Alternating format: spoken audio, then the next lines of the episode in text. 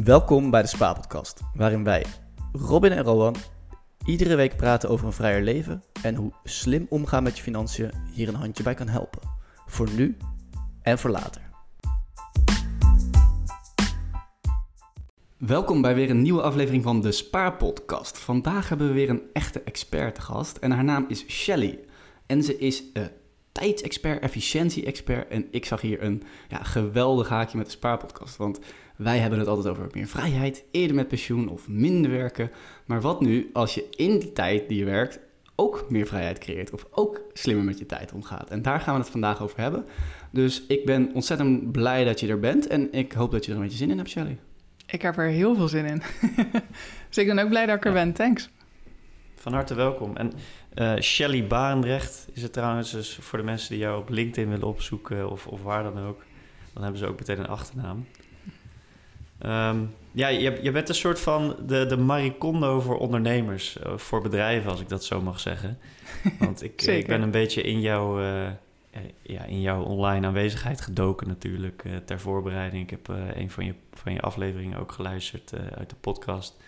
En je hebt een soort van de aparte skill om gewoon bij bedrijven binnen te komen, te kijken hoe het werkt en dan met specifieke tips en aanbevelingen te komen om, uh, ja, om efficiënter te werken en dus meer te doen in minder tijd. En, en wat, hoe begin jij daarmee? Wat, wat is het eerste waar je, waar je naar kijkt bij zo'n bedrijf of bij een ondernemer? Ja, dat, uh, het, het eerste waar je eigenlijk begint met iemand samen is dat je natuurlijk gaat kijken waar er nu heel veel tijd verloren gaat. Uh, waar besteed je veel tijd aan? Uh, waar besteed je veel tijd aan, maar vind je echt verschrikkelijk om te doen? Of juist, wat vind je zo leuk, maar kom je niet aan toe? En daar ga ik altijd eerst met iemand naar kijken hoe nu de situatie is. Want pas als je weet hoe het nu is ingericht, dan kan je uh, veranderingen gaan maken naar het ideale scenario toe, zeg maar. Uh, dus meestal uh, starten we met, met ook een, een, even een schets van waar wil je uiteindelijk heen werken, hoe moet het er uiteindelijk voor je uitzien, je werkweek, maar ook waar je tijd in zit. ja, eigenlijk alles wat je op een dag doet. En hoe ziet het er dan nu uit? En dan ga je kijken waar, ja, waar in, die, in die tijdlekken, zoals ik ze altijd noem, waar je daarin kunt gaan tweaken en, en de processen kunt gaan optimaliseren om er ja, tijd mee te winnen weer. Um, en dat is, heb ik gemerkt, echt bij elk bedrijf mogelijk. Of je nou uh, een, online coach bent, of een fotograaf, of uh, zelfs een kunstenaar, of wat dan ook. Maakt niet uit hoe creatief of, of ja, gepersonaliseerd het werk is uiteindelijk kan iedereen tijd besparen. Dat is wel één ding wat ik heb gemerkt. Bij iedereen is het mogelijk. Kijk aan. Mooie teaser. ja, ik, ik, ik, ik, vind dat echt heel tof. En, en ik vraag me dan af van hoe, hoe, kom, je, hoe kom je op dit punt om, om dit te gaan doen voor bedrijven? Wat, wat is je achtergrond en wat heb je hiervoor gedaan? Er wordt me heel vaak gevraagd. hoe ben je hier nou bij gekomen? Um, ja, dat, dan moet ik even terugnemen. Een paar jaar terug eigenlijk, of een flink aantal jaar terug alweer. Ik heb op zich altijd wel geweten dat ik ooit wilde ondernemen. Dat ik een eigen bedrijf wilde op een dag. Uh, al toen ik heel klein was. Maar uh, ik wist nooit zo heel goed wat, zeg maar. Ik wist dat ik het, het gouden idee voor mij, dat dat nog niet echt voorbij was gekomen. Um, dus toen ik nog studeerde, leerde ik een ondernemer kennen, Aranka van der Voorde. En zij was net haar bedrijf toen aan het opzetten. Een sportkledingmerk voor vrouwen. En ik vond het zo vet wat ze aan het doen was. Ik, ik had echt meteen zoiets van: ik moet hier onderdeel van zijn. Ik moet, ik moet gewoon hier gaan leren hoe heel dat ondernemen werkt. En wat er allemaal bij komt kijken. En dan along the way vind ik wel uit wat ik uiteindelijk ga doen. Uh, nou, dat was een, een heel leuk avontuur. Uiteindelijk heb ik vijf jaar voor haar gewerkt.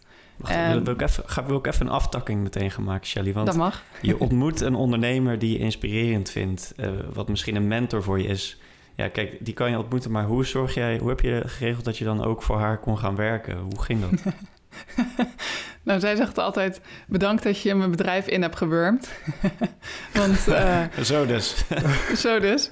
Uh, ik liep stage bij een eh, marketingbureau en zij huurde daar een bureau in kantoor, want zij had dan, uh, hoe zeg je dat? contact met de eigenaren van het marketingbureau, dus zij mocht daar lekker zitten. En uh, zij uh, werkte daar. Mijn stagebegeleiders hadden gezegd van... joh, als je haar ook wil helpen, geen probleem, weet je wel. We, we zijn hier gewoon allemaal één. En ik merkte hoe leuk ik het vond wat zij deed. Ik ben gewoon elke dag ben ik aan het bureau gaan staan. Wat kan ik voor je doen? En in het begin zei ze, ja, ik weet niet, ik heb niet echt werk voor je of zo. Toen zei ik, ja, maar dat is onzin, want jij bent in je eentje. Jij hebt superveel te doen. Jij bent maar één mens. En je hebt heel veel plannen, heel veel ambities. Dus het kan niet dat je niks te doen hebt. Dus geef Dus me... dit was eigenlijk je vroegste sales pitch al voor het bedrijf wat je nu hebt. Ik denk het wel. Eh, dus ik zei, ja, geef me gewoon één taak en dan kijken of het bevalt. En eh, als het bevalt, geef je me er nog één. En als dat bevalt, geef je me er nog één. En eh, toen mijn stage voorbij was, toen eh, zei ze... ja, maar nou kan je niet meer weggaan. Nou, nu heb ik je nodig, weet je wel. Eh dus kan je niet voor mij komen werken. Eh, en dat kon. En dat heb ik toen gedaan. Dus dat, eh, ja, jezelf er gewoon inwurmen. als je iets wil, dan gewoon erachteraan blijven gaan. Ja, netjes. Oké, dank voor die toelichting. En, en dus vijf jaar met, met haar gewerkt. Ja, vijf jaar met haar gewerkt. Eh, dat sportkledingmerk, daar begonnen we mee. En na een jaar, nou, binnen een jaar eigenlijk al, kwam er een tweede bedrijf bij. Dat was een online health platform waar mensen inspiratie konden vinden over gezond eten, sporten, dat soort dingen. Dus dat sloot natuurlijk ook perfect aan op het andere bedrijf. Ehm, daar heb ik echt van alles en nog wat gedaan. Het begon echt met eh blog schrijven voor de website tot eh, doosjes uitzoeken voor de webshop. Ehm, uiteindelijk, ik heb zelf een, een marketingstudie als achtergrond. Eh, dus ik deed daar ook veel marketing en sales taken. En dat, nou ja, je kan zo gek niet bedenken of ik heb het wel een keer gedaan daar. Je hebt echt van alle takken wat. Ik denk dat jullie dat ook vast wel herkennen. Ehm, en eh, uiteindelijk kwam haar derde bedrijf er ook nog bij. Dat is een eh, online coaching business. Dus ja, ik heb wel eigenlijk in vijf jaar eh, drie het bedrijven eh, mee mogen zien ja, opzetten en, en groeien. Eh, waarin ik merkte hoe hectisch dat wel kon zijn. Want één bedrijf is al, is al veel werk. Twee bedrijven is heel veel werk. En drie bedrijven is eigenlijk pure chaos. En daar merkten we na, na een aantal jaar dat het ging met de bedrijven zelf heel erg goed. We hadden veel klanten. het groeide allemaal echt super lekker door. En, en we hadden een team wat heel ambitieus was en heel veel zin had in, in alle plannen uitvoeren. Maar ja, je hebt uiteindelijk wel gewoon 24 uur in een dag. En eh daar kan je er nog zoveel zin in hebben en het nog zo leuk vinden. Maar je kan er niet 25, 26, 27 uur van maken. Het blijft 24 uur. En ehm, daarin merkten we na een aantal jaar dat heel veel dingen niet meer gedaan konden worden. Dus dat eh, we wel plannen hadden, wel ambities hadden, maar dat uiteindelijk de, de uren gingen op aan gewoon echt de dagelijkse taken van het bedrijf draaiende houden en bedrijf runnen. Eh, waardoor, ja, dat heeft natuurlijk in, in het hele bedrijf een negatief effect uiteindelijk. Mensen kunnen moeilijk met vakantie, want het is te druk. Eh, je hebt een idee voor een project, maar het kan niet uitgevoerd worden, want er is te weinig tijd. En ja, uiteindelijk gaat de omzet dan ook steeds minder hard groeien. En dat was wel een punt waarop we beseften van ja, we kunnen zo niet nog tig jaar door blijven gaan. Want we groeien ook gewoon een stuk minder hard. We kunnen dingen niet meer doen. Uh, en dat was het punt waarop we zijn gaan kijken... hoe kunnen we het anders gaan doen? Hoe kunnen we dit slimmer doen? Uh, waar mijn uh, structuur hart zeg maar heel snel van gaat kloppen. Ik dacht, dit wordt mijn project. Dit ga ik doen. En ja, nice. ja dat, ik werd daar helemaal, helemaal enthousiast van. Dus we hebben toen ben ik bij, ja, aan de slag gegaan met alle processen binnen het bedrijf, alle workflows. Dus even kijken, ja, hoe doen we iets nou precies? En kunnen we dat dan slimmer doen? Kunnen we dat ja, automatiseren of gewoon efficiënter doen of bepaalde stappen schrappen? Of ja, alles wat je binnen een proces eigenlijk, wat er niet hoeft te gebeuren, dat we dat in ieder geval niet meer deden. En ik, ik werd er zo blij van om dat te doen, dat als eerste. Dus dat was al een teken voor mij van, hey, dit vind ik wel heel erg vet. Uh, en ik merkte binnen het bedrijf wat een verschil het was. Want toen we eenmaal dat allemaal hadden aangepakt, uh, toen konden we eigenlijk gewoon weer, ja, wat we normaal dus in meer dan 40 uur met z'n allen per week deden, kon ineens in de helft van die tijd. Uh, we hadden ineens weer ruimte voor projecten. Mensen konden op vakantie zonder dat we ze de hele tijd appten van... sorry dat ik je stoor, maar ik wil even snel een vraag. Uh, en dat, ja, het leverde zoveel op voor het bedrijf. En ik sprak toen ook al veel ondernemers in mijn netwerk die allemaal zeiden... joh, het lijkt me zo fijn om iets van jouw structuur te hebben. Kan je daar niet iets van aan mij geven? En ineens vielen voor mij al die puzzelstukjes op een plek. En toen dacht ik, ja, dit, dit is wat ik elke dag wil doen. Ik vind het zo vet. Ik vind het zo gaaf. Uh, ik zie wat voor effect het heeft. Ik wil hier gewoon nog heel veel meer ondernemers mee helpen. En toen besloot je van, uh, ik ga dit zelf doen. Uh, kun je ons meenemen? Hoe ging dat toen? Want dit is een jaar of vier geleden, zei je. En, en, hoe ging het vanaf daar? Hoe heb je dat opgepakt? En hoe, ja. is, hoe is, die reis, hoe is, dat, hoe is die ontwikkeling gegaan eigenlijk? Ja, leuk dat je, ja, leuk dat, je dat vraagt. Dus um, vier jaar geleden, in 2018, ben ik uiteindelijk maar gaan inschrijven bij de KVK. Daarvoor had ik dan het idee al wel. Uh, dus ik weet nog dat ik op een, uh, een vrijdagavond, geloof ik, ik zat lekker op de bank, ik had een wijntje. Ik dacht, weet je wat, ik ga gewoon eens even al die ideeën op papier zetten en even kijken wat er uit komt rollen. Uh, die maandag naar Aranka, dus dat was ja, mijn werkgever, maar ook echt mijn mentor. Eigenlijk daarin, die wist ook altijd, Shell gaat ooit ondernemen. Ik ging naartoe, ik zo, ik denk dat ik het idee heb. En ik had over de jaren heen heel veel ideeën gehad. Waarop ze altijd zei, ja, ik weet niet, en dit en dit. En ik kijk daar nog even naar. En ik ging naar, naar haar toe met dit idee en ze moest zo hard lachen. Ze zei, ik weet wel dat je dit moet doen sinds de dag dat ik je heb ontmoet. Dit is echt jouw, jouw superpower, zeg maar. Uh, dus ja, vet, ga ervoor en uh, uh, doen. Dus toen ingeschreven bij de KVK. zelf een website gaan knutselen met alle frustratie en, en euforie die daarbij komt kijken. en in mijn netwerk uiteindelijk toch maar gaan vertellen aan mensen... Ja, dit is wat ik nu doe. En als ik je kan helpen, let me know. En toen is het balletje gaan rollen.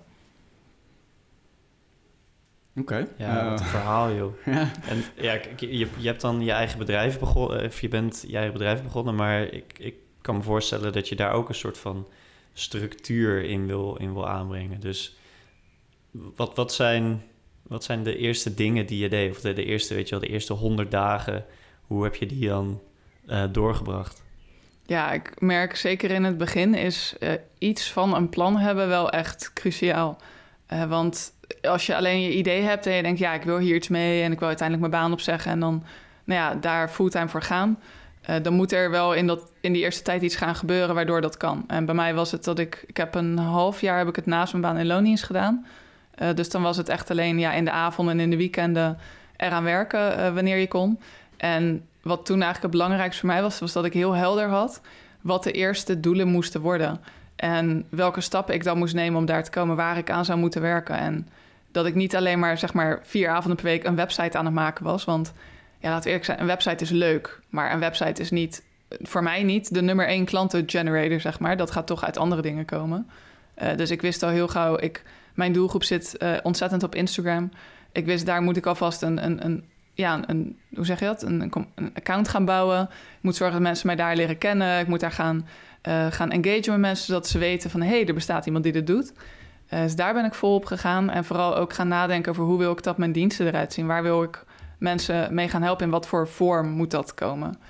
Um, en dan wist ik eigenlijk heel helder als ik na mijn baan in loondienst... dus dan s'avonds even aan het werk ging... wist ik heel helder, oké, dit zijn de dingen die ik wil doen. Dit wil ik afkrijgen. Uh, en dan kan ik wellicht over x maanden, zeg maar, dit helemaal fulltime voor mezelf gaan doen. Ja. En dat is gelukt. Ja, snap. dat is gelukt. Nice. Eerst een hele slapeloze nacht van, moet ik dit doen? ga ik mijn baan opzeggen? Uh, en toen toch besloten van, ja, ik, uh, ik ga er gewoon voor uh, per 1 januari toen. Dus ik een halfjaartje naast mijn baan gedaan. En toen naar die ondernemer, naar die mentor toe van, ik denk dat ik het fulltime wil gaan doen.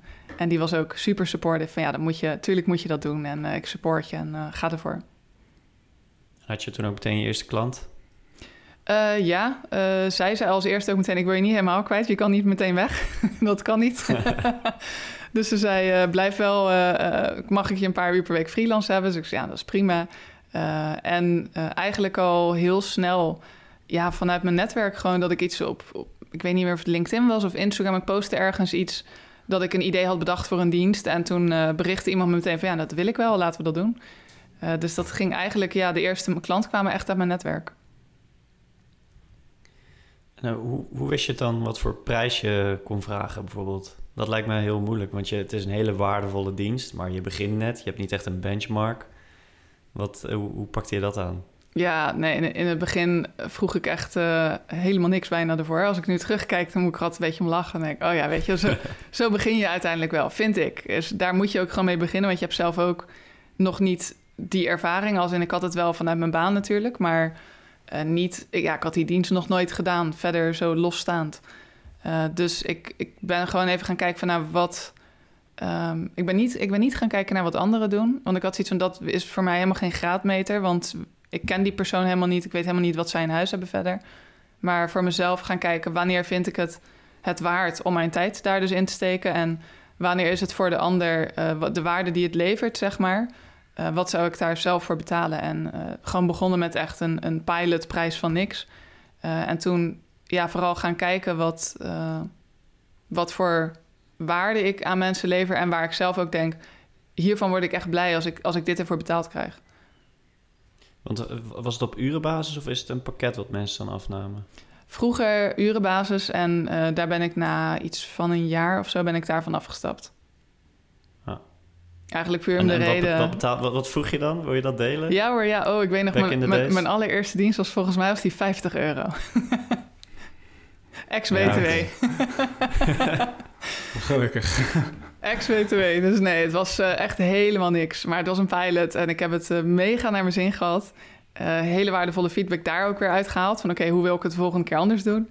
Eh, en toen ging die prijs uiteindelijk met sprongetjes omhoog. Toen de, ja, daarna was het 100 en 150 en 200. En eh, inmiddels zit ik ja, niet meer in die buurt. Eh, maar eh, ik denk dat zo beginnen altijd goed is voor iemand. Voor jezelf ook als ondernemer zijnde. Ja. Ja, hele waardevolle tip. En fast forward, waar sta je nu? Wat kun je erover vertellen? Hoe groot is je bedrijf? Eh, ja, ik, ik heb onder andere een LinkedIn-post van je gezien waarin je zegt eh, dat je succesvol onderneemt in 20 uur per week. Wat, wat, wat kun je erover vertellen? Hoe staat het nu? Ja, ik, ehm, ik, ben, nou, ik inmiddels dus vier jaar bezig. Ik ben in 2018 begonnen. We nemen dit op in juli 2022. Ehm, het is eh, echt heel hard gegroeid. Daar ben ik super blij mee. Ik heb twee freelancers eh, die mij helpen. Ook nog bij, bij Hashtag Livecost. Dat is dan trouwens het bedrijf. nog niet eens genoemd volgens mij. Eh, dus ik heb twee freelancers die me daarbij helpen. Een, een technisch VA en een marketeer die meewerkt en meedenkt. Ehm, ja, hoe zal ik het zeggen? Het gaat heel erg goed. Ik heb hele leuke eh, één-op-één klanten. Want ik heb dan eigenlijk twee, nou eigenlijk drie soorten manieren waarop ik mensen help. Of één op één, of in een online eh, programma waar dan een groep in zit. Of echt een online training die je in je eentje thuis, zeg maar, zonder mijn begeleiding eh, volgt. Ehm, daar heb ik hele, hele leuke mensen in zitten waar ik elke dag gelukkig van word om daarmee te werken. En ehm, dat gaat eigenlijk heel erg lekker. En ja, die 20 uur per week is voor mij, dat is de tijd die ik nodig heb om echt de dagelijkse taken te doen. Dus dan heb ik het over je mailbox bijwerken, ehm, het, het, het coachen van mijn één op één klant of de mensen in het online groepsprogramma, ehm, de administratie, eh, social media bijhouden, eigenlijk dat soort taken die allemaal een beetje de baseline vormen van je business. En in de overige eh 20 uur, want ik eh, vind het, ja, het is natuurlijk leuk dat ik het in 20 uur de basis kan doen, maar waar ik heel erg gelukkig van word, is een nieuw idee hebben, dat helemaal uitwerken en dan van niets iets maken, weet je wel? Dat je dat idee in je hoofd hebt en dat het uiteindelijk de wereld inbrengt en daarmee mensen helpt. Dat vind ik het allervetste wat ik kan doen. Eh, dus de overige 20 uur werk ik lekker aan mijn business. Ga kijken waar kan het beter, waar kan het anders. Heb ik nog een nieuw idee voor een nieuwe dienst. En dan werk ik lekker daaraan. Eh, soms thuis, soms op kantoor, soms op het terras. Maar net waar ik die dag zin in heb. Kijk, vrijheid. Vrijheid. Oké, nou ja, en eh, we zijn natuurlijk toch de spaarpodcast, dus eh, je hoeft geen cijfers te noemen, maar we willen toch een klein beetje weten eh, hoe, nou, hoe, goed het dan, hoe goed het dan ook financieel gaat. Dus twee, twee, misschien dan even, toch even de twee spaarpodcast vragen om, dat, om te testen. Welk cijfer geef jij je financiële situatie tussen de 1 en de 10? Ik denk momenteel een 8,5. Misschien een 9. Oké. Ik ben best tevreden, eigenlijk, moet ik eerlijk zeggen. Het gaat, het gaat met mijn bedrijf heel erg goed. Eh, vorig jaar, dus dat is dan 2021, eh, in de six, six figures gegaan. Dus over de ton, zeg maar. Eh, dus ik ben heel blij met, met het financiële plaatje ervan. Dat gaat gewoon heel erg lekker. En wat voor mij vooral heel belangrijk is, is dat het steady is. Dat het niet zeg maar iets is wat je in. je, ja, je, je hoort sommige verhalen dat mensen zeg maar, zeggen van nou, ik ging van 0 naar 20.000 euro omzet in een maand. En eh, daar heb ik het overigens helemaal niks tegen hoor. Ik bedoel, good for them, weet je wel. Echt tof als dat lukt.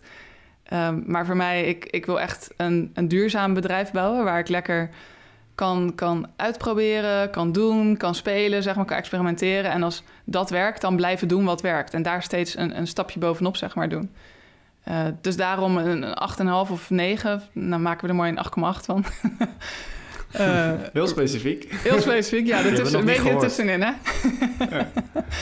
Ehm, omdat ik super blij ben hoe het gaat. eh, financieel super blij ben hoe het gaat qua energie. Ik denk dat het ook wel meespeelt. Eh, maar ik altijd zoiets heb van, ja, je kan... Je, er is altijd nog een volgende stap natuurlijk. Oké, nou, misschien dat we zo nog over die volgende stap kunnen hebben. Maar eerst nog even de tweede vraag.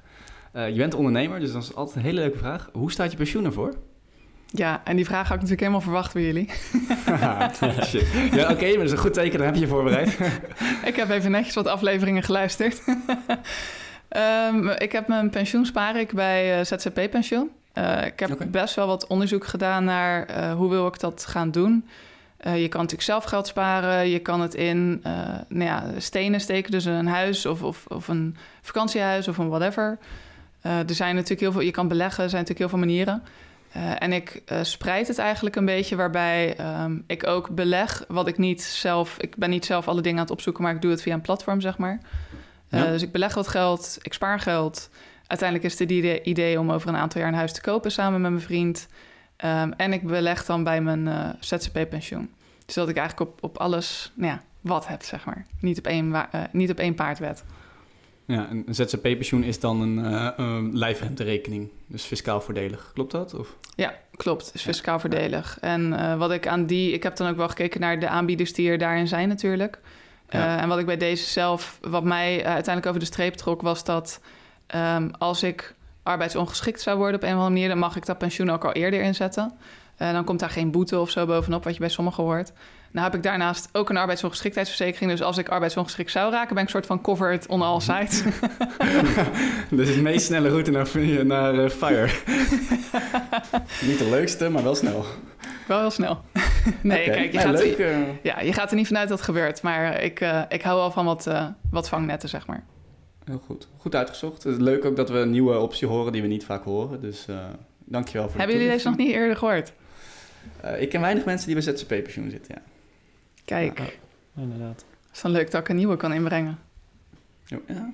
En dat bij de. Spaarpodcast. Ja, die komt niet vaak voor. Nee. Uh, ik, ik heb nog wel een vraag over dus... Ja, gewoon echt bijvoorbeeld tips die jij geeft aan, uh, aan ondernemers. Ik denk dat onze luisteraars... Ja, die, die zijn ook bezig met, met hun vrijheid... en denk ik efficiënter, efficiënter werken... misschien meer geld verdienen... Um, ja, wat zijn, wat zijn een paar dingen die je mee kan geven aan, aan de luisteraar? Ja, om te beginnen eigenlijk is uh, wat ik heel veel ondernemers uh, hoor zeggen... is dat bepaalde dingen veel tijd kosten... maar dat ze zeggen, ja, dat, dat kost nou eenmaal veel tijd. Het is nou eenmaal zo. Daar kan je niks aan doen, weet je, dat, dat moet gewoon.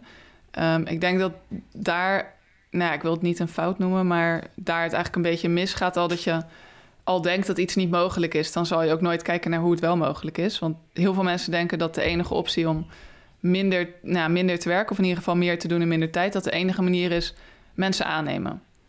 Of uh, stel dat je in loondienst bent, meer werk naar een collega doen of wat dan ook. En in mijn optiek is dat niet de enige optie. Het is wel een optie natuurlijk. Ik werk zelf ook met twee freelancers, maar uh, uiteindelijk begint het bij het kijken naar hoe je je werk doet. En daarbinnen valt er heel vaak echt nog wel wat te optimaliseren. Waardoor het sneller gaat of waardoor het gewoon minder energie kost. Waardoor het uiteindelijk vaak ook weer sneller gaat. Uh, dus dat, ik zou zeggen, begin bij het stukje... Um, ja, zet je mindset even open dat alles sneller zou kunnen in principe. En dan ga je pas kijken hoe natuurlijk.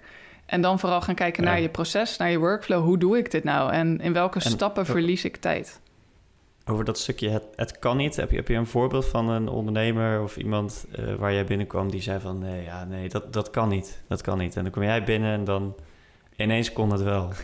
heb je even? Duizenden voorbeelden. Duizenden. Um, ik hoor heel vaak, zeker bij ondernemers, er zijn best wel wat ondernemers die uh, maatwerk doen. Bijvoorbeeld uh, um, interieurstylisten of fotografen die eigenlijk bij elk bedrijf even kijken van nou, wat heb jij dan nodig? ja, er zijn heel veel uh, diensten natuurlijk die op maat worden gemaakt. En dat is ook hartstikke mooi. Ik zeg ook helemaal niet dat het allemaal gestandaardiseerd moet worden. Maar daardoor denken ze al vaak van ja, ik doe maatwerk. Dus wat ik voor elke klant doe, alles is weer anders. Voor de ene is het dit en voor de andere is het dat. Uh, waardoor ze bijvoorbeeld denken dat uh, er dus ook niks efficiënter kan. Terwijl uiteindelijk zijn er wel stappen die je bij elke klant herhaalt. Elke klant heeft informatie van jou nodig. Van hoe gaan we dit samen doen? Hoe ziet deze samenwerking eruit? Vaak heb jij iets van informatie van de klant nodig om ze dus te kunnen helpen met wat je hebt verkocht. Uh, als we het even op dat interieurarchitect uh, bijvoorbeeld voorbeeld betrekken. Um, ieders huis zal er anders uit gaan zien. Maar je wil natuurlijk eerst van de klant weten... wat zijn je wensen? Wat vind je mooi? Wat vind je afschuwelijk? Welke merken vind je heel leuk en heb je nu al in je huis? En welke merken heb je echt zoiets van... dat, dat komt de voordeur niet door, weet je wel? Dat zijn natuurlijk vragen die je aan elke klant uiteindelijk moet gaan stellen. Uh, dan is er natuurlijk een, een, proces waarin ze dan, dan het maatwerk leveren. En dan komt er weer een moment waarop er feedback van de klant moet komen en jij daarop moet wachten. En daarin zeggen al heel veel, zeker interieurstylisten uh, bijvoorbeeld, van ja, dan ben ik gewoon even overgeleverd aan wanneer ik terughoor van de klant. Terwijl als je in je workflow met je klant samen al gaat meenemen van hé, hey, dit is hoe we het gaan doen. Ik stuur jou na x weken het eerst, de eerste versie. Dan heb je een week om daarop te reageren. Na die week ga ik weer aan de slag. Dat schrapt al zoveel wachttijd. Uh, doordat je klant ook gewoon meer aan de hand wordt meegaan van... hey, dit is hoe we het gaan doen, weet je wel. Ik ben de expert, ik ga je helemaal helpen, ik ga je helemaal verzorgen. Uh, just follow my lead. de klant ook fijn. Ja, precies. Dus dat zijn al een paar voorbeelden waarin mensen denken... ja, ik doe maatwerk, maar dat, dat kan dus niet sneller. Terwijl de stappen die je voor elke klant eromheen doet... de randzaken, zeg maar, die kunnen vaak veel, veel efficiënter.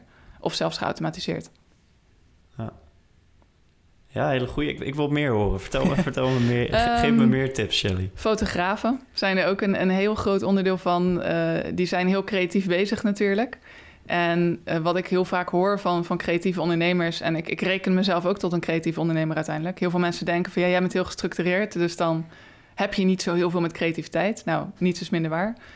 Um, en zij zeggen vaak van... ja, ik ben een beetje overgeleverd aan mijn creatieve proces. Weet je wel, wanneer ik uh, of inspiratie uh, krijgt. Dat met fotografen, maar ook met tekstschrijvers bijvoorbeeld. Ja, ik moet even kijken of ik in de flow kom, of ik er lekker in zit. Terwijl dat wel situaties zijn die je zelf ook kan creëren. als ik het heb over tekstschrijven bijvoorbeeld voor content voor social media. Ik post bijvoorbeeld best wel veel op Instagram. Ik post op LinkedIn. Ik schrijf elke week een nieuwsbrief naar mijn, naar mijn inschrijvingen, zeg maar, hoe zeg je het, naar mijn e-maillijst. Uh, er moet best veel geschreven worden. En uiteindelijk is mijn beroep niet tekstschrijver per se. Um, dus dan kan ik zeggen van ja, dat kost helemaal veel tijd. Dat moet naar me gebeuren. Of ik wacht wanneer ik inspiratie heb of tot ik in de flow kom. Maar ik weet inmiddels heel goed waar ik creatief van word. En welke omgeving dat heel erg stimuleert. Als ik bijvoorbeeld uh, thuis ben, ik, ik hou van mijn huis. Ik ben gek op mijn huis. Maar het is natuurlijk zo bekend als, als maar zijn kan. En ik heb bijvoorbeeld juist voor creativiteit en voor inspiratie heb ik echt een onbekende omgeving nodig. Dus ik maak er een beetje een sport van dat wanneer ik mijn content ga schrijven, en doe ik gewoon op een vaste dag in de maand, ga ik naar een, een koffietentje in Rotterdam, want daar woon ik, waar ik dan nog nooit ben geweest. Dus ik maak echt sport van weer een nieuwe te vinden. Ga ik daar zitten en ja, ik ken de muziek niet, ik ken de mensen niet, ik ken de omgeving niet. Dus dat levert alweer genoeg prikkels, zeg maar, op. Uh, en dan weet ik gewoon, dit is wat ik vandaag allemaal moet schrijven. En dan ga ik aan de slag. En ik weet, ik moet mijn mailbox bijvoorbeeld niet openzetten tijdens dat ik dat doe. Uh, want mijn mailbox is voor mij een van mijn grootste afleidingen die er is. Als ik dat cijfertje zo zie oplopen in dat tapje bovenin. dan, ja, dat, haat ik. ik. Ja, dan moet ik gewoon weten waar die mail over gaat. En van wie die is. dus ik weet, als ik gefocust moet werken, dan moet ik die mailbox gewoon wegzetten. Weet je, die moet ik gewoon echt, echt wegklikken. Uh, want anders gaat er helemaal niks van dat gefocust werken gebeuren. Dus dat is ook ja, eigenlijk ook een tip die ik iedereen wil meegeven. Wat voor werk je ook doet, of je nou ondernemer bent of niet. Maar uh, weet wat je grootste afleidingsbronnen zijn en elimineer die gewoon op voorhand al. Ja, dus eigenlijk het bundelen van je, van je werk. Dus jij doet al je tekstschrijfdingen op één dag. En daarnaast eigenlijk een soort van het uh, managen van je afleidingen. Ja. Heb ik, uh, is heel herkenbaar. Ik heb daar ook een stuk in mijn boek over geschreven. Eh, daar uh, gaat over een universele afstandsbediening. Dat je dus, vroeger ging ik met een universele afstandsbediening ging ik, uh, bij mensen de tv uitzetten. Nou, dat vonden die mensen heel erg irritant. Dus ja, daardoor word je ook een soort van afgeleid. Maar nu is eigenlijk gewoon de notificaties aan hebben in je e-mail of op je telefoon. Dat is eigenlijk ook een universele afstandsbediening.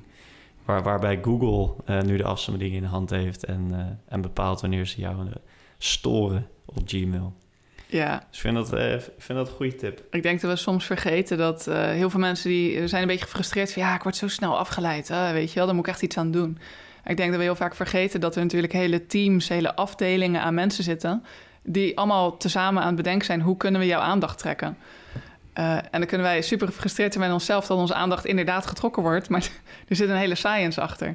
Ja, er is een reden waarom dat bolletje rood is. Of waarom er een cijfertje staat. Of ja, het is natuurlijk heel makkelijk uh, om afgeleid te worden, omdat er een hele science achter zit met mensen die weten hoe ze jou moeten afleiden. Ja, een goede boektip over deze is uh, Digital Minimalism van uh, Cal Newport. Die heeft daar een heel boek over geschreven hoe dat, hoe dat inderdaad werkt. Vet. Ik kan er ook nog wel een aan toevoegen trouwens. Hyperfocus van Chris Bailey. Echt een fantastisch boek. Als je wil weten, meer wil weten over focus en hoe je ja, met afleidingen om kan gaan, gewoon beter kunt focussen. En vooral, ja, dat vind ik dan heel interessant hoe je van je brein eigenlijk van hoe het werkt gebruik kan maken om nog beter te focussen. Uh, super interessant boek. Mooie aftakking. ik had al als vraag opgeschreven van wie inspireren jou nou? En ik, ik heb eigenlijk ook nog vragen over de tips hoor, maar misschien nu we deze aftakking maken, gewoon een aflevering voor aftakkingen. Uh, wie inspireert jou nog meer naast Chris uh, Bailey en Hyperfocus? Want jij bent zelf al heel ver, dus, en Ro en ik zijn ook structuurnerds, dus ja. Eh, ik ben echt gek op de nieuwsbrieven van James Clear. Ik weet niet of jullie die Ah, ja. kennen toevallig. Ja, zeker. Atomic heeft het- Habits. Atomic Habits inderdaad, heeft hij geschreven. Eh, zijn nieuwsbrief zit echt elke donderdag stuurt hij dan zo'n nieuwsbrief over eh, ja, gewoon hoe je met je tijd om moet gaan en welke vragen je jezelf moet stellen. Daar zit altijd iets in waarvan ik denk, oh ja, weet je, daar moet ik echt eens even naar kijken. Het is echt, eh, altijd, zit, altijd zit er iets waardevols in. Ehm, daarnaast, even denken op dit vlak, vind ik, oh, hoe heet die man nou? Mike Mikalovic, oh, ik weet niet hoe het uitspreekt, maar hij heeft ehm, het Clockwork Effect heeft hij geschreven. Eh, dat gaat eigenlijk volledig over processen en systemen en workflows en eh, hoe je die het beste kunt optimaliseren. Eh, dus die vind ik heel vet. Chris Bailey, James Clear. Ik zeg echt te denken, waarom zijn het allemaal mannen? waarom zit er geen vrouw tussen die er iets over heeft Zijn geschreven? mannen, gestructu- zijn mannen gestructureerder dan vrouwen? Of is, dat, eh, is, is, is daar eh, iets over bekend? ik, ik, denk, ik denk dat jij gewoon een boek moet gaan schrijven, Shelley. Ja, nou, het staat wel op het lijstje ooit. ja? ja, Oh, lijkt me heel cool. En ik, ik ben benieuwd, wie, wie inspireren jullie dan op dit vlak? Want jullie zijn eh, net zulke structuurnerds als ik. Wil jij eerst ook? Ga maar. Nou Ja, kijk, ik heb eh Cal Newport eh, al genoemd met eh, digital, eh, digital Minimalism. Ja, ik heb James Clear, Atomic Habits, heb ik ook gelezen. Dus dat, dat is er ook wel één. En voor de rest laat ik ze even aan Robin. Eh, ja, ik ben echt... eh, David Allen, Getting Things Done. Ehm, Oh, Rick ja. Pastoor in, in kleine mate af en toe. eh, met grip. Ehm, wie, Tim Ferriss. Jij noemde al eliminate, delegate, kleiner maken. Dus, dus dat. Maar ook heel veel dingen binnen ja, productmanagement waar ik in actief ben. Hè? Dus heel veel software development is altijd veel te groot. Dus eigenlijk daar gaat het altijd wel over eh, incrementeel, iteratief bezig zijn, dingen kleiner maken. En, en dat probeer ik ook toe te passen op, eh, op mijn leven. Ehm, dus dat zijn wel een aantal namen die me daarin geïnspireerd hebben. Tof. Eh, ik, ja, combinatie misschien ook met een stukje gedragspsychologie. En dan ga ik wel heel ver hoor, maar ja, hè, begrijpen hoe dat dan werkt in je brein. En, en als je dat wat beter begrijpt, dan snap je ook beter hoe je om moet gaan met je, met je werkdag. Eh, James Clear heb ik ook gelezen. Eh, ja, eh, ja, een beetje machine af en toe, een beetje procesmatig, maar dat werkt voor mij ook. Dus eh, Ja, Ja. heerlijk. En eh, ik, ik vergeet trouwens echt nog mijn, mijn, mijn meest favoriete boek. Heel erg dit. Eh, Busy van Tony Crabbe. ah, ja, ja, Dat ja, is- ook. Ja, die is fantastisch. Ik denk dat ik die... Is, is dat nooit meer te druk in het Nederlands? Ja, nooit meer druk. Ja. Ja. Ja, ik kan er altijd zelf heel slecht tegen om een Nederlandse vertaling van een Engels boek te lezen. Dan denk ik alleen maar, dit klonk zoveel beter in het Engels. Als je dan zo'n Ja, zinnetje ja, leest. snap ik. Eh, maar in Nederlands heet hij nooit meer te druk. En eh, dat is echt een... Ik heb die nou, misschien al acht, negen jaar geleden gelezen. Eh, maar er was wel echt, een, echt heel veel eye-openers over hoe we eigenlijk allemaal denken over het druk hebben. En dat dat dan succesvol zijn is. Je, als mensen aan vragen hoe gaat het, dat je een antwoord met druk. Oh, ik Eh, ben zo ja. druk, Shelley. Oh. Zo druk. Ik moet door hoor. Ik moet even door, jongens. Eh, hoi. Precies. En ook eh, eh, soms komen ook mensen me toe. Hoe gaat het met je? Lekker druk? En denk ik, ik wil eigenlijk antwoorden op, op hoe gaat het, maar lekker druk ga ik... Ja, nee, weet je wel, dat, dat is niet wat ik was uiteindelijk wil. ook, hij zei dan toch van dat je niet moet zeggen lekker druk, maar ik ben lekker bezig. Ja, precies. Gewoon ik met toffe dingen bezig. Allemaal ja, leuke dingen aan het doen. Eh, Ik vind het leuk wat ik aan het doen ben. En dat zit hem vooral in... Kijk, hoe vaker je natuurlijk naar de wereld verkondigt... ik heb het zo druk, ik heb het zo druk... eh, hoe minder mensen ook uiteindelijk naar jou toe komen... met misschien wel hele leuke kansen. Hele leuke opportunities. Want eh, ik herken dat wel. Ik had ook een keer een, een ondernemer... die in een hele specifieke branche zit... en die post op haar Instagram story... dat ze het zo druk had. En het werden echt allemaal latertjes deze week... en ze moest alles voor klanten afwerken en dit en dat... Dus ik dacht zo, die zit vol, weet je wel. Die, eh, die liep echt over. En ik sprak, volgens mij een paar dagen na, sprak ik een van mijn klanten. En eigenlijk kon ze echt heel erg de diensten gebruiken van die ondernemer die ik op Instagram had gezien. Maar ik dacht, ja, ik ga haar niet aanraden, want die, die vrouw heeft het zo druk, weet je wel. Dat doe ik er gewoon niet aan. Eh, en ik kende Ja. op zich ook nog wel iemand anders die het deed. Eh, dat was dan mijn, ja, mijn, mijn tweede aanrader, zeg maar. En dacht, nou ja, ik vertelde wel over die persoon. Die eerste, die zit volgens mij toch vol, dus daar heeft ze niks aan, weet je wel. Zij, als ze daar nu een mailtje naar gaat sturen, dan kan die persoon misschien pas over een maand of over twee maanden. Dus ik heb haar toen niet aangeraden. En toen zag ik echt dat weekend, zat ik weer in mijn stories lekker te kijken... en zag ik haar posten van, ah, alles afgekregen. Nou, vanaf nu heb ik weer plekjes voor nieuwe mensen. En dan ga ik, nee, dan had ik jou aangeraden. Maar dat, ja, daardoor gaan natuurlijk veel meer mensen eigenlijk onbewust ook denken van... ja, ik, ik hoef niet bij jou te komen. En dat geldt ook in je privéleven. Als je die ene vriend of vriendin heeft die het altijd veel te druk heeft... en jij denkt, het is vrijdagmiddag, ik heb eigenlijk wel zin om een biertje van wijntje te gaan. Ja, je gaat niet diegene vragen, die heeft toch altijd druk, weet je wel. Laat maar. Ja, goeie. Ja, ik, ik ga hier zo lekker op. Ik denk dat we hier weer uren over door kunnen lullen. Dat is een beetje ons probleem vaak met dit soort onderwerpen. Dus uh, omwille van de tijd ga ik alvast proberen naar mijn, uh, een van mijn laatste vragen te gaan. En misschien dat Rowan er ook nog wel aan stellen. Maar um, ik raad mensen gewoon sowieso... Want ik wilde nog veel do verder doorgaan op die tips. Maar ik raad mensen ook gewoon aan om je, om je podcast te luisteren. Meer, uh, meer doen in minder tijd, geloof ik. En je hebt ook een e gratis e-book. Dus daar kunnen ze sowieso kijken. Eén uh, tip die ik daar dan uit wil lichten is echt het verschil tussen uh, een to-do-list en plannen. Uh, die ga ik lekker als teaser houden, moeten mensen maar opzoeken. Vond ik een hele goeie. Um, maar mijn laatste vraag gaat over iets heel anders, namelijk... Um, ik luister ook een podcast van je over dat je nog nooit zoveel vakantie hebt opgenomen. Nou, wij zijn heel erg bezig met vrijheid en dat zit natuurlijk in je werkweek, dat zit in eerder met pensioen, zit in minder werken... Zit ook in vakanties, voor mensen in loondienst. Dus, dus hoe zit dat precies? Van, ik heb nog nooit zoveel vakantie genomen en waar, waar moeten we aan denken? Hoeveel, hoeveel ga jij op vakantie? Vroeger was ik echt een, een verschrikking met vakantie nemen. Dat deed ik niet.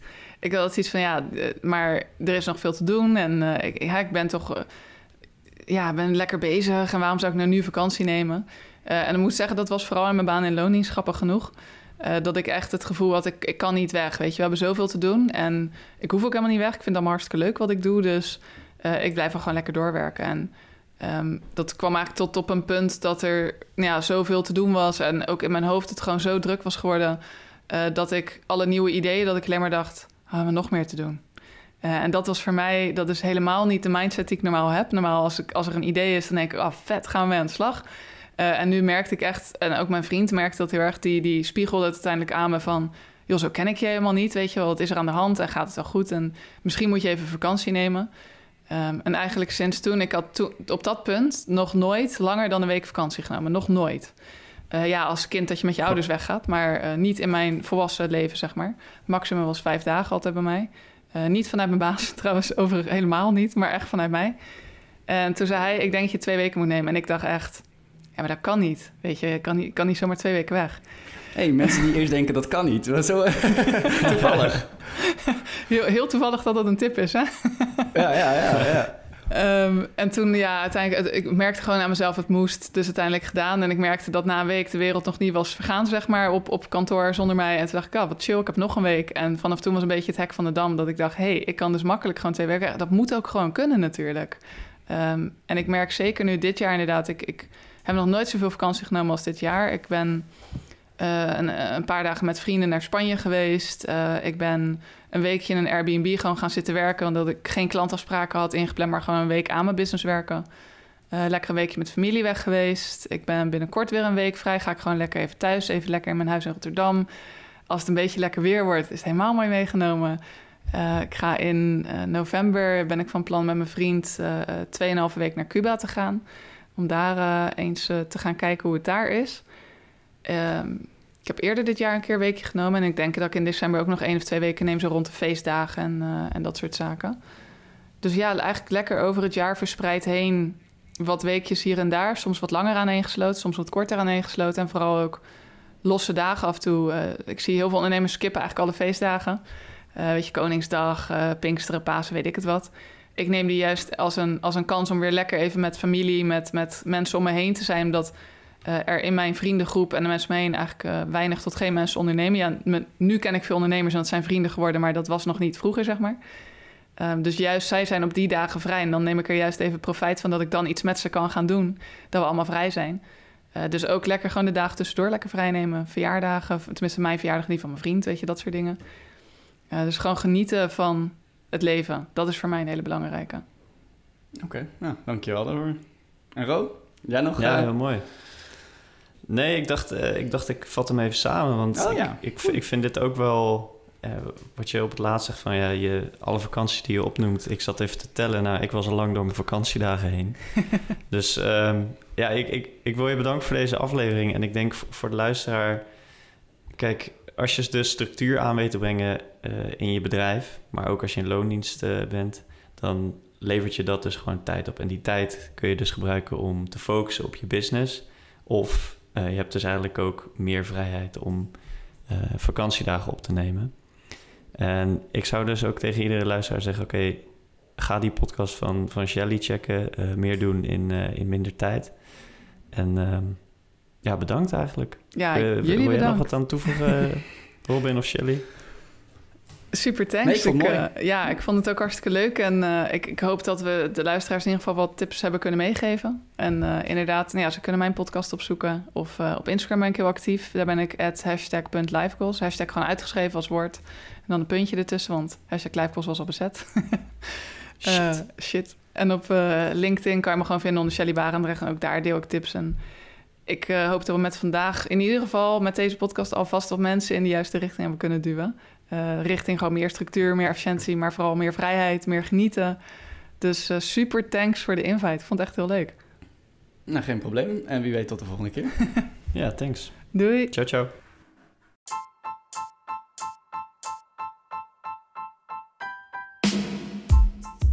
Bedankt voor het luisteren naar de Spaarpodcast. Er zijn nu een paar dingen die je kunt doen om jezelf en ons van harte te helpen. Daar komen ze. Pas de tips uit deze aflevering toe in je eigen leven. Koop Rowan zijn boek, 10 keer met pensioen. Volg een van de cursussen op despaarpodcast.nl. En laat tot slot een review achter op Apple Podcast of Spotify. Voor vragen of opmerkingen kun je altijd bij ons terecht via de Spaarpodcast of 10 keer met pensioen op Instagram. Dit was hem dan. Hopelijk tot de volgende keer.